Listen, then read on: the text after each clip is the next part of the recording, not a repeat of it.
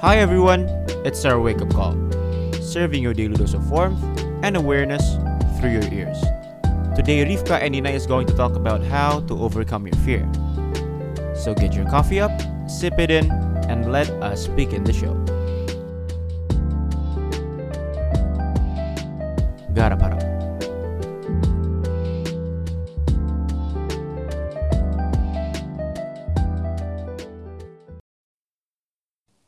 Hey everyone, it's our wake up call, serving you your daily dose of warmth and awareness through your ears. Get your coffee up, sip it in, and we're about to make your day even better. Hai semuanya, it's me Rifka, dan kali ini di episode Speak Up kali ini, gue akan ngomongin our overcoming our fear bareng Nina. Hai semua, kenalin gue Nina dan honestly ya kak, gue excited banget sama episode kali ini karena topiknya itu overcoming our fear dan menurut gue sebagai anak SMA dan kakak juga masih kuliah kan, dan gue juga yakin pendengar pendengar Speak Up by OEC juga kira-kira anak SMA kuliah kan, di mana memang sedang dalam saat-saat harus menentukan keputusan-keputusan, bisa itu aspek keluarga, friendship, relationship, akademik, atau bahkan karir, dan gue yakin ada ada rasa takut gitu yang sering waktu muncul, jadi menurut gue episode kali ini bakal pas banget buat kalian sih. Agree karena dalam masa-masa yang tadi kamu udah sebutin ya, di masa-masa remaja kita, di masa-masa penentuan, mungkin kita sering nih nemuin ketakutan dalam hidup kita di sehari-hari. By the way, sebelum kita mulai ke overcoming our fear, aku pengen kasih tahu nih Nin, sebenarnya topik kita ini udah sempat disinggung nih sama Yaya dan Omar di Wow. previous episode of Speak Up, which is encouraging ourselves to be spontaneous. Karena dalam prosesnya untuk menjadi spontaneous, perlu nih ada tahap-tahap yang kita lewatin dalam menjadi orang yang spontaneous yaitu misalnya kita menghadapi ketakutan kita untuk bisa ngelepasin nih pikiran-pikirannya dari otak kita tentang apa sih kalau misalnya gue uh, ambil keputusan ini nanti gue gagal nanti orang bakal bilang gue ini itu gitu Nian Bener-bener. Aha. Nah, terus nih, kita bakal sharing-sharing gitu deh tentang gimana sih ketakutan di perspektif kamu dan aku dan gimana kita menghadapi ketakutan kita itu sendiri sampai akhirnya here I am and here you are anyway. Kita yang masih berproses dalam menghadapi ketakutan kita. Setuju banget. Tapi mungkin ya kak, sebelum kita sharing-sharing, curhat-curhat, tips-tips tentang overcoming our fear, aku pengen ngasih tahu mungkin biar kita on the same page. Sebenarnya fear itu apa sih? Oke, apa tuh Nian jadi fear itu? Nah jadi, based on my research, yang ini gue kutip dari Cambridge English Dictionary, fear atau rasa takut adalah suatu emosi atau pikiran yang tidak menyenangkan waktu lo lagi takut atau khawatir akan sesuatu yang berbahaya, menyakitkan atau buruk yang sedang ataupun akan terjadi. Dan menurut gue pribadi, fear itu is a primitive human emotion gitu. Jadi kayak bisa jadi alarm system buat kita, bikin kita either fight or flight di situasi yang kita hadapi. Jadi menurut gue nggak sepenuhnya buruk sih kak. Jadi tergantung cara kita ngelola fear itu dan itu sih menurut gue yang bakal jadi our main topic hari ini ya nggak sih? Ah, aku setuju banget nih terlebih lagi sama poin kamu barusan yang itu tuh gak selamanya buruk. Karena aku setuju banget. Fear itu fear atau ketakutan ini bukan suatu hal yang harus kita musuhin kok guys. Bukan hal yang kayak kalau kamu punya fear dan kamu gak bakal bergerak kamu gak akan maju. Itu gak kayak gitu. Karena menurut aku kita bisa cari cara gimana kita berdamai sama ketakutan yang ada dalam diri kita biar kita bisa grow walaupun kita punya fear itu. Bener-bener. Mungkin Kak Rifka mau cerita kali ya? Oke, talking about fear. Nah, fear ini nih sebener- sebelum aku mulai cerita, aku mau kasih tahu juga yang tadi disebutin sama Nina. Fear ini ada dari aspek family, friendship, career, akademik, ataupun romantic relationship. Dan aku punya fear tentunya di berbagai aspek. Tapi yang aku pengen cerita ini tentang relationship. Aku jadi punya ketakutan losing someone I love aku takut kehilangan orang yang sayang. Mungkin kedengarannya cringe atau gimana, cuma it's, it's real guys. Beneran. Dan di case ini, aku sempat nyalahin diri aku sendiri karena aku takut. Karena aku ngebiarin ketakutan aku itu unconsciously ngontrol perbuatan aku. Jadi aku nggak sempat mikir, apa sih yang seharusnya aku lakuin? Apa nih yang bikin aku ngerasa kayak gini? Dan sekarang aku lagi apa, kondisi yang aku hadapin, dan gimana aku bisa menghadapi masalahku ini supaya mem, apa ya memprevent hal-hal yang tidak aku inginkan terjadi di masa depan. Tapi kenyataannya di kasus itu aku em, kali ini fear aku yang menang, fear aku yang berhasil ngontrol aku nih sebelum aku berhasil ngontrol fear aku Hmm. sendiri. gitu. Kalau dari kamu mungkin ada share apa experience tentang fear? Kalau aku mungkin fear-nya lebih ke personal fear kali ya. Sebenarnya aku nggak tahu sih ini bisa masuk ke dalam aspek apa. Tapi, hmm, kalau aku sendiri dan aku juga nggak tahu ini sebenarnya udah overcome my fear atau belum. Tapi jadi aku tuh anaknya awkward banget asli.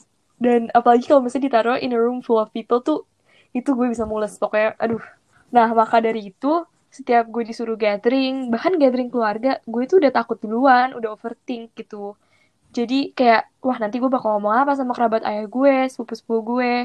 Tapi karena gue sadar bahwa gue punya rasa takut di situ, gue bukan berarti nggak bisa nyoba hal baru yang berhubungan sama orang banyak. Karena malah gue challenge myself to do the exact opposite gitu. Gue Wow. jadi malah menaruh diri gue di posisi yang buat gue berjuang lebih. Tapi ya kak, karena gue kayak memaksa diri gue buat di uh, suatu hal yang sebenarnya gue gak nyaman, kadang itu bikin gue nyesel banget dan bikin gue malah makin takut.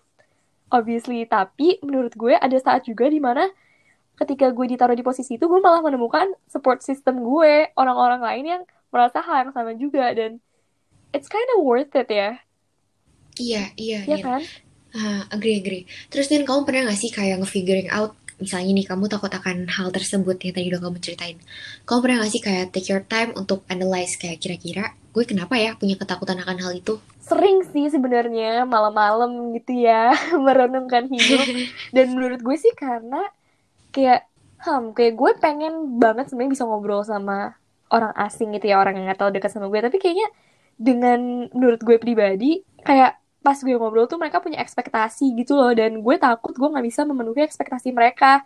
Mungkin mereka mikir gue garing apa gimana, dan gue takut mereka bakal mikir gue garing, gue freak gitu lah, jadi gue lebih milih buat ya diem aja. Kalau lo sendiri gimana kak? Yang tadi soal eh, takut kehilangan orang yang dicintai gitu. Apa tuh penyebabnya? Mm-mm, dan menurut kakak, eh, kakak udah ngelakuin apa aja sih? Yang kan waktu itu kan ini kan kejadiannya udah lalu kan kak. Kalau Iya. sekarang gitu kakak ngapain buat ngatasin itu? Oke, kalau misalnya cara aku, cara aku ngadapinnya, first tuh aku bakal mulai with acceptance, nerima. Hmm, Acceptance ini proses yang ups and downs-nya ada banget nih. Jadi kayak mungkin one day rasanya kayak lancar aja kamu bisa accept faktanya kalau kamu takut akan sesuatu. Tapi at the same time, at other time, kamu mungkin bakal ngerasa kayak enggak kok, gue enggak kayak gitu, gue nggak takut kok. Nah, di fase ini nih menurut aku uh, that's okay, let's keep going on dan lihat nanti ke depannya gimana karena we're still working on ourselves dan di situ yang kita apa ya Nin, proses yang dibutuhkan gitu. Terus setelah aku nge-accept yang tadi Nin aku coba analyze tiga hal tentang berkaitan tentang waktu. Apa sih yang bikin aku ngerasa kayak gini? Emang di dulu tuh ada apa? Setelah aku udah found out ada apa itu yang terjadi di masa lalu aku yang bikin aku sekarang jadi takut akan suatu hal, I allow myself to grieve. Untuk kayak gak apa-apa, kamu sedih karena itu tuh it's okay. Kalau misalnya emang ada yang pernah nyakitin kamu atau ekspektasi kamu sendiri yang mungkin nyakitin kamu. Terus setelah itu, kalau misalnya emang aku belum nemuin hal yang nyakitin aku di masa lalu, aku juga ya nggak apa-apa juga. I'm not gonna force myself untuk inget-inget apa yang kira-kira bikin aku sampai sekarang Hmm. takut sama hal itu. Terus yang kedua, aku bakal coba apa ya, be mindful tentang apa ya, tentang kondisi apa yang lagi aku hadapin saat ini. Misalnya aku takut akan kehilangan seseorang. Aku coba working on myself, coba nih figuring out kira-kira yang aku hadapin ini situasinya kayak gimana. Untuk lebih ngeliat overview dari case tersebut. Terus yang ketiga, ini di masa depan. Kira-kira hal apa nih yang aku lakukan untuk nge-prevent hal yang tidak aku inginkan terjadi di masa depan. Gitu sih, Nian. Hmm. Dan oh, uh, last but not least, aku sebenarnya ada tips. Ada orang yang ngajarin aku nih, Nin, support system Wah. One of my support tuh? system. Jadi kayak kalau misalnya aku suka share tentang hal apa pun itu sebenarnya, dia selalu ngajarin ke aku kayak That's okay, kadang kita, kadang kamu cuma perlu untuk ngejebolin tembok itu, tembok ketakutan kamu dan see what will happen. Gitu, Nin. Setuju, setuju. Karena begitu temboknya udah bolong, beneran langsung gampang gitu kan ya Iya, agree. Ternyata, wah, ternyata gue bisa. Bener-bener. Dan aku setuju banget sih sama kakak. Tadi kan kakak sempat bilang menganalisa, menganalisa ketakutan kita itu kan. Nah, gue kebetulan punya temen nih kak.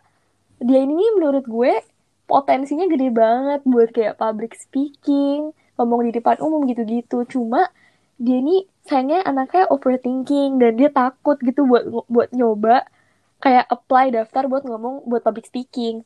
Nah, padahal menurut gue gila dia kalau misalnya berani itu tuh bakal keren banget dan menurut gue uh, tambahan dari gue terhadap uh, tips-tips overcoming our fear dari Kak Rifka adalah lo waktu lo menghadapi ketakutan lo, coba pikirin benefits yang akan lo dapat saat lo conquer your fear. Karena kayak gue lihat dari teman gue sendiri aduh gila. Dan akhir-akhir ini dia udah mulai belajar buat conquer her fear. Dan itu beneran sukses loh. Dia dia wow. jadi ikut macam-macam dan menurut gue it's worth it guys to try. At least try lah. Cuma jangan dipaksa juga karena menurut gue kalau misalnya lo maksa buat try tapi memang lo lagi nggak sanggup itu bisa breakdown sih menurut gue. Jadi take it take it slow aja guys let it flow um, by the way aku familiar banget nih sama kata-kata kamu yang barusan, which is kalau kita mikir gimana kalau gue gagal. Aku juga hmm. pernah diomongin, dikasih tahu nih sama salah satu support system aku yang tadi kayak, hmm. gimana kalau kejadiannya sebaliknya? Gimana kalau kamu sukses? Gimana kalau kamu nah, berhasil ngelakuin itu? Bener banget. That's yes, it. Iya, jadi kayak aku bener-bener ini sih. Kadang aku aku nian SMP SMA, aku nggak pernah ikut apa pun itu.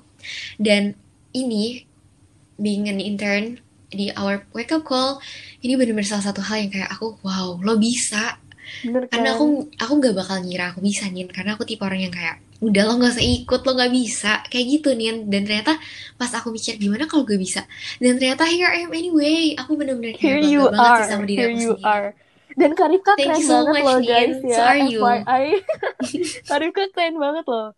So are you. Kamu juga keren banget itu sih kayak um, apa ya mungkin belajar menerapkan value-value yang selama ini udah kita dengar, udah kita baca, udah kita apa ya, udah kita gain ourselves dengan value-value itu tuh coba kita implementasiin mulai dari hal-hal kecil di hidup kita sih Nin. Benar-benar. Mungkin ini kan kita baru cerita soal apa sih tadi Kak?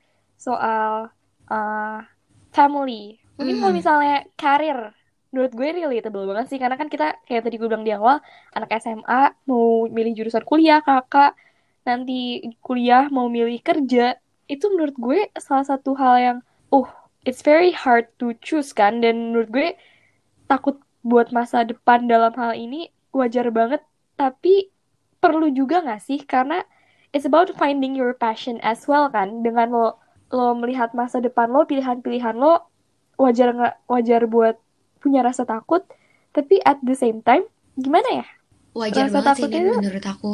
Karena it's about decision kan? Gimana kita mm, berharap nih decision kita saat ini nih apa ya punya benefit buat kita ke depannya. Makanya menurut aku that's okay banget kok. Ketakutan itu bukan sesuatu yang kayak enggak lo nggak boleh takut ini lo nggak boleh takut itu. Enggak itu nggak kayak gitu. Tapi karena uh, apa, apa ya yang kamu udah tadi bilang loh itu tuh emang ada di dalam diri kita sebagai manusia dan gimana tinggal gimana cara kita belajar menghadapinya gitu nih benar-benar kakak kan udah kuliah nih boleh cerita-cerita dikit nggak kak? Soal Apa gimana itu? sih kakak bisa milih jurusan kakak sekarang?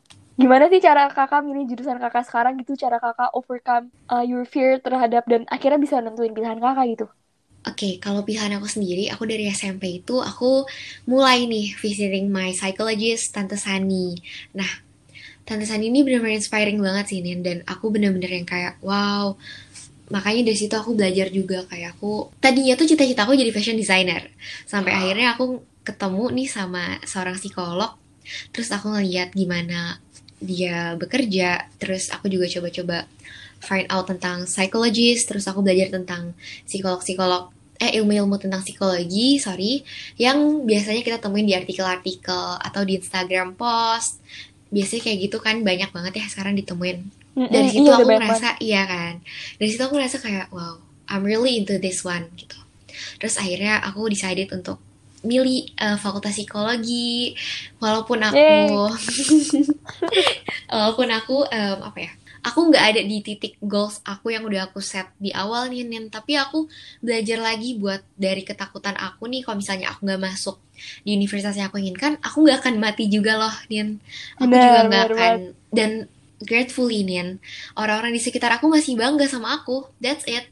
Nah, jadi kayak ini. aku yang takutnya kayak uh -uh. aku takut ngecewain mereka. Ternyata mereka masih ada di samping aku bu- dan buat nge-support aku untuk terus jalan, untuk terus growing. Berarti ini nggak sih kak? Kayak yang harus kita taruh di mindset kita itu adalah buat nutupin rasa takut itu adalah gimana kita mandang diri kita sendiri kita juga kayak kakak tadi bilang value, value ourselves gitu. Kayak nggak usah lah pikirin mungkin kayak misalnya kita takut nih public speaking.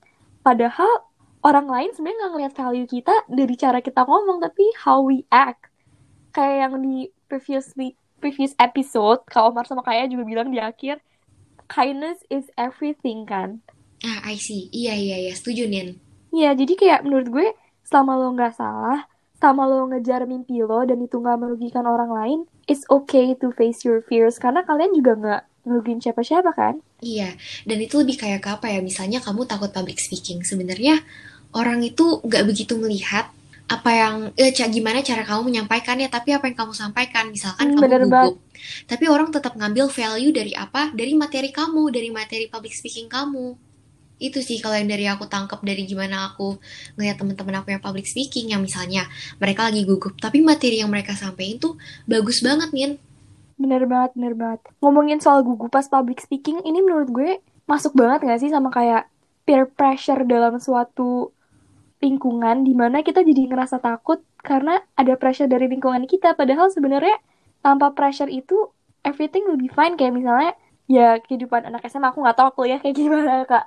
Kayak misalnya kita temenan sama seseorang yang eh, mungkin dikucilin di kelas. Padahal orang itu sebenarnya baik-baik aja, tapi karena peer pressure dari teman-teman yang lain oh jangan deketin dia jangan deketin dia terus kita jadi nggak deketin dia dan rasa takut kita kayak wah kalau misalnya kita deketin dia nanti di dia dikucilin juga itu menurut kakak gimana tuh Oke, menurut aku, aku sebagai, aku nggak tahu ya kalau di kehidupan perkuliahan gimana, karena aku juga belum ngerasain offline gimana kehidupan ah kuliah. iya aduh Tapi kalau di, itu aku pernah ngalamin kayak gitu di SMP sih, be honest. Terus, em, sebenarnya gini, aku punya tips nih mungkin buat adik-adik, lucu banget adik-adik. jadi kakak banget deh. Terus ya intinya aku kayak em, kalau misalnya emang kamu ada di posisi itu sebagai apa pun itu coba cari em, seseorang yang kamu anggap safe place untuk nuangin cerita kamu. Dari situ mungkin kamu bisa sharing tentang gimana pendapat kamu tentang hal tersebut ataupun orang yang kamu mintain saran atau mintain opini mereka tentang hal tersebut gitu sih Nian. Jadi kayak dan coba cari orangnya yang kira-kira menganggap bahwa perasaan kamu itu valid, bahwa perasaan orang yang yang merasa sedih karena dijauhin itu valid dan yang mau bekerja sama untuk mencari solusi.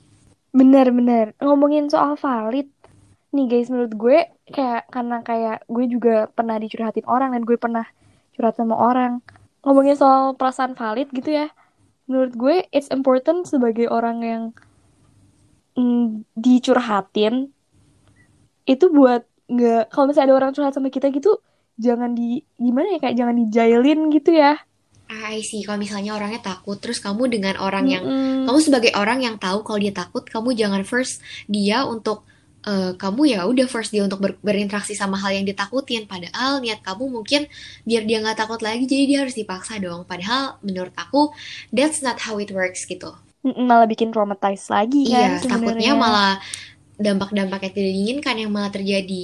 Nah, itu dia nih, Nin. Kalau misalnya kayak kamu ada teman yang emang kamu rasa dia takut sama sesuatu.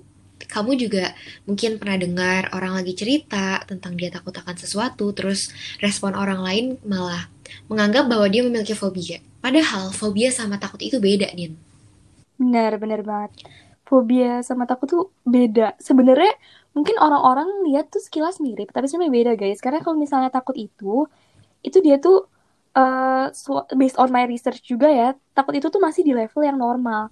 It's a feeling kayak seperti yang gue bilang tadi di awal, itu bisa aja bahkan jadi bentuk eh, survival instinct kita untuk menghindari sesuatu yang memang mengancam kita. Tapi kalau misalnya fobia, itu respon atas hal yang mengan- atas hal yang mengancam kita dan respon kita terhadap itu tuh way worse daripada takut. Dan mungkin sebenarnya hal yang kita fobiakan itu nggak sepenuhnya buruk. Kayak misalnya nih ya ini ngakak sih sebenarnya temen gue. Ada gue dulu kenal sama eh cowok dia ini fobia sama pisang jadi bener ya kak lihat pisang aja tuh bisa lari dia tuh nggak bisa lihat pisang bahkan nah ini kayak sebenarnya pisang kan it's not eh dangerous subject kan. Mhm. Cuma bagi dia itu suatu hal yang traumatize. It's a phobia gitu sih. Ngerti ngerti. Jadi kayak karena ada sesuatu hal di masa lalu dia yang kita nggak tahu apa, bikin dia trauma dan Mm-mm. mengakibatkan fobia akan pisang.